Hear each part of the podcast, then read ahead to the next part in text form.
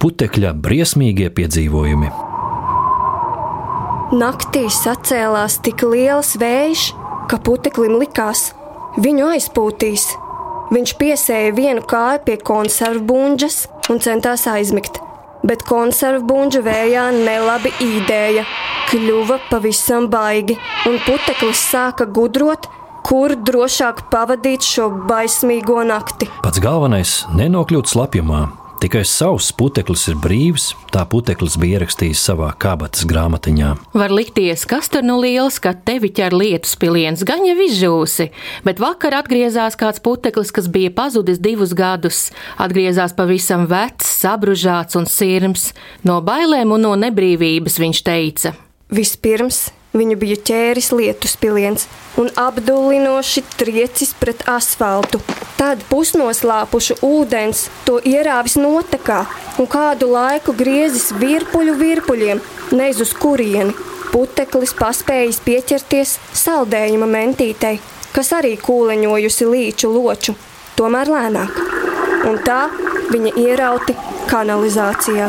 Tur baigi smirdējis un puteklis noģībis. Pie samaņas nācis tikai lielajā upē, kad mentīte peldējusi garām krāsainiem kuģiem. Saucis palīgā, bet uz kuģa neviens nav dzirdējis. Ēnkuri žvadzējuši, celtņi žņerkstējuši un viļņi žļakstījuši. Žļaks un žļaks. Tad sākušas kliegt kājas, tās lidojušas pāri un laiku pa laikam metušās lejā, kaut ko ķērušas un atkal uzvijušās gaisā atpakaļ. Puteklis sarāvies pavisam mazs maziņš.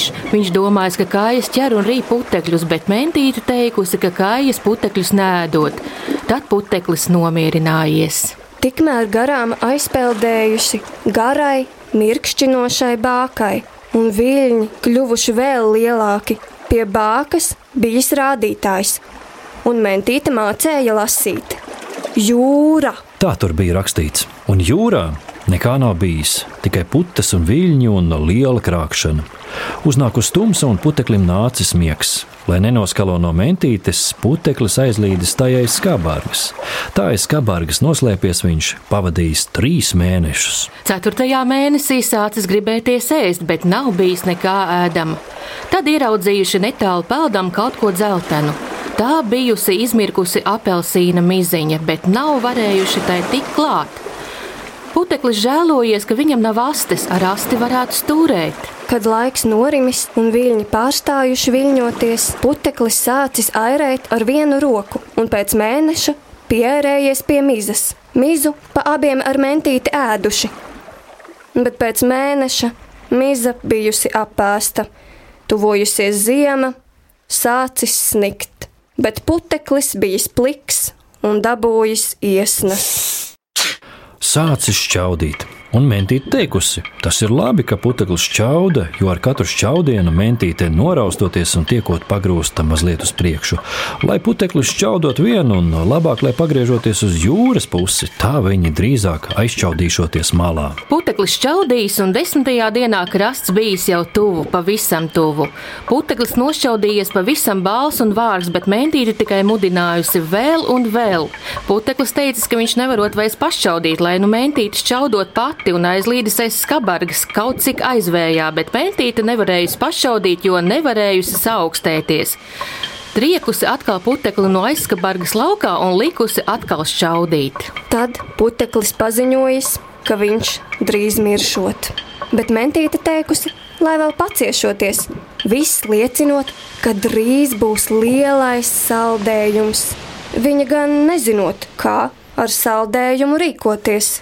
Un tiešām ūdens kļuvis biezs no vižņiem un arvien biezāks, un citu rītu šie jau nevairs peldējuši, bet šūpojušies sniega un ledus putrā. Naktī sācies sals, un cik labi, labi, ka puteklis lēkājas, jo no rīta mentīte bija iesalusi, bet puteklis izlēcis no ledus un basām stīvām kājām, lēcis pa ledus kukurņiem prom vien uz krasta pusi mēģinājis arī ielēkt vējā un tikt gaisā, bet viena kāja bijusi smaga, apledojusi, un vējš nav gaisā rāvis.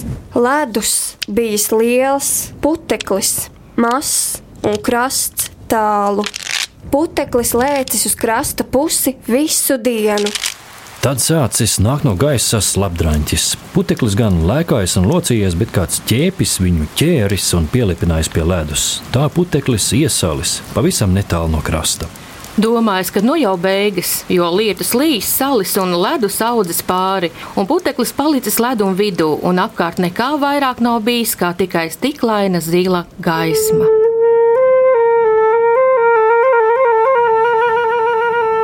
Puteklim nav bijušas arī nekādas cerības. Viņš neko nav zinājis par tādu pavasari, kas nāk pēc ziemas.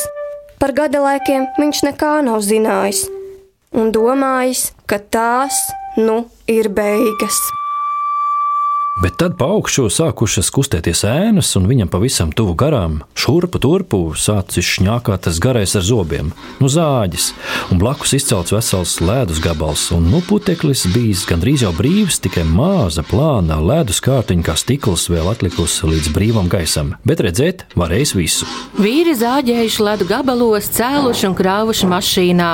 Puteklis redzējis, ka kāds vīrs nāk ar lielu cirvi šurpu un atvēzējās tepat pāri putekļa ledus gabalam.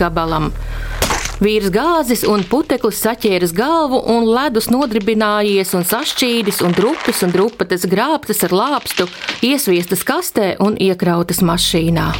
No mašīnas ledus izkrauts lielā, tumšā pagrabā un apbērts ar zāģu skaidām.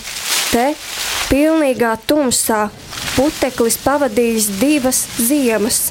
Viņš nemaz nebūtu zinājis, cik ilgi, bet zāģu skaidas sākušas runāt, ka tā vairs ilgāk nevarot dzīvot, vajagot bēgt. Ļoti daudz zāģu skaidrs aizbēgušas, bet puteklis nav un nav varējis izkrāpēties no ledus. Vienmēr atbraukušas kādas mašīnas, vēdušas ledu prom, un pa vaļajām durvīm esot bijusi redzama vasara, bet puteklim nelaimējies, un viņa ledus gabals vienmēr noslīdējis no lāpstas un atkal palicis pagrabā. Reiz putekļa ledus gabals tomēr iesviests mašīnā un kā par laimi virspusē. Vējā un saulē ledus braucot mazliet atkusis, un puteklis jūtis, ka ir atkal brīvībā. Vēl slapjš un nosalis izrāpies uz mašīnas malas, un viens, divi sauss vējš to uzrāvis gaisā. Saulē, vējā, siltumā. Visa pasaule vaļā. Kur nu aiznesīs, kas nu notiksies? No ziediem lidojuši arī tādi sīki putekļi. Zaļi, dzelteni, bites skrējušas arī visādi putekļu aplipušām kājām, bet, kad puteklis pieķēries vienai pie kājas pūkām, tā nokārpījusi putekli nost un teikusi: Tu jau neesi puteksnis. Tad puteklis uzzinājis, ka tie viņam līdzīgie, krāsaini un smaržīgie nemaz nesot vienkārši putekļi, tie esot putekšņi, un tie zinot, ko gribot. Viņi nesot auglību, un no viņiem vēlāk uzrodoties arī augļi. Puteklis kļuvis pavisam bēdīgs, ka viņa brāļus putekļus visi triec, dzen nos, lauka prom.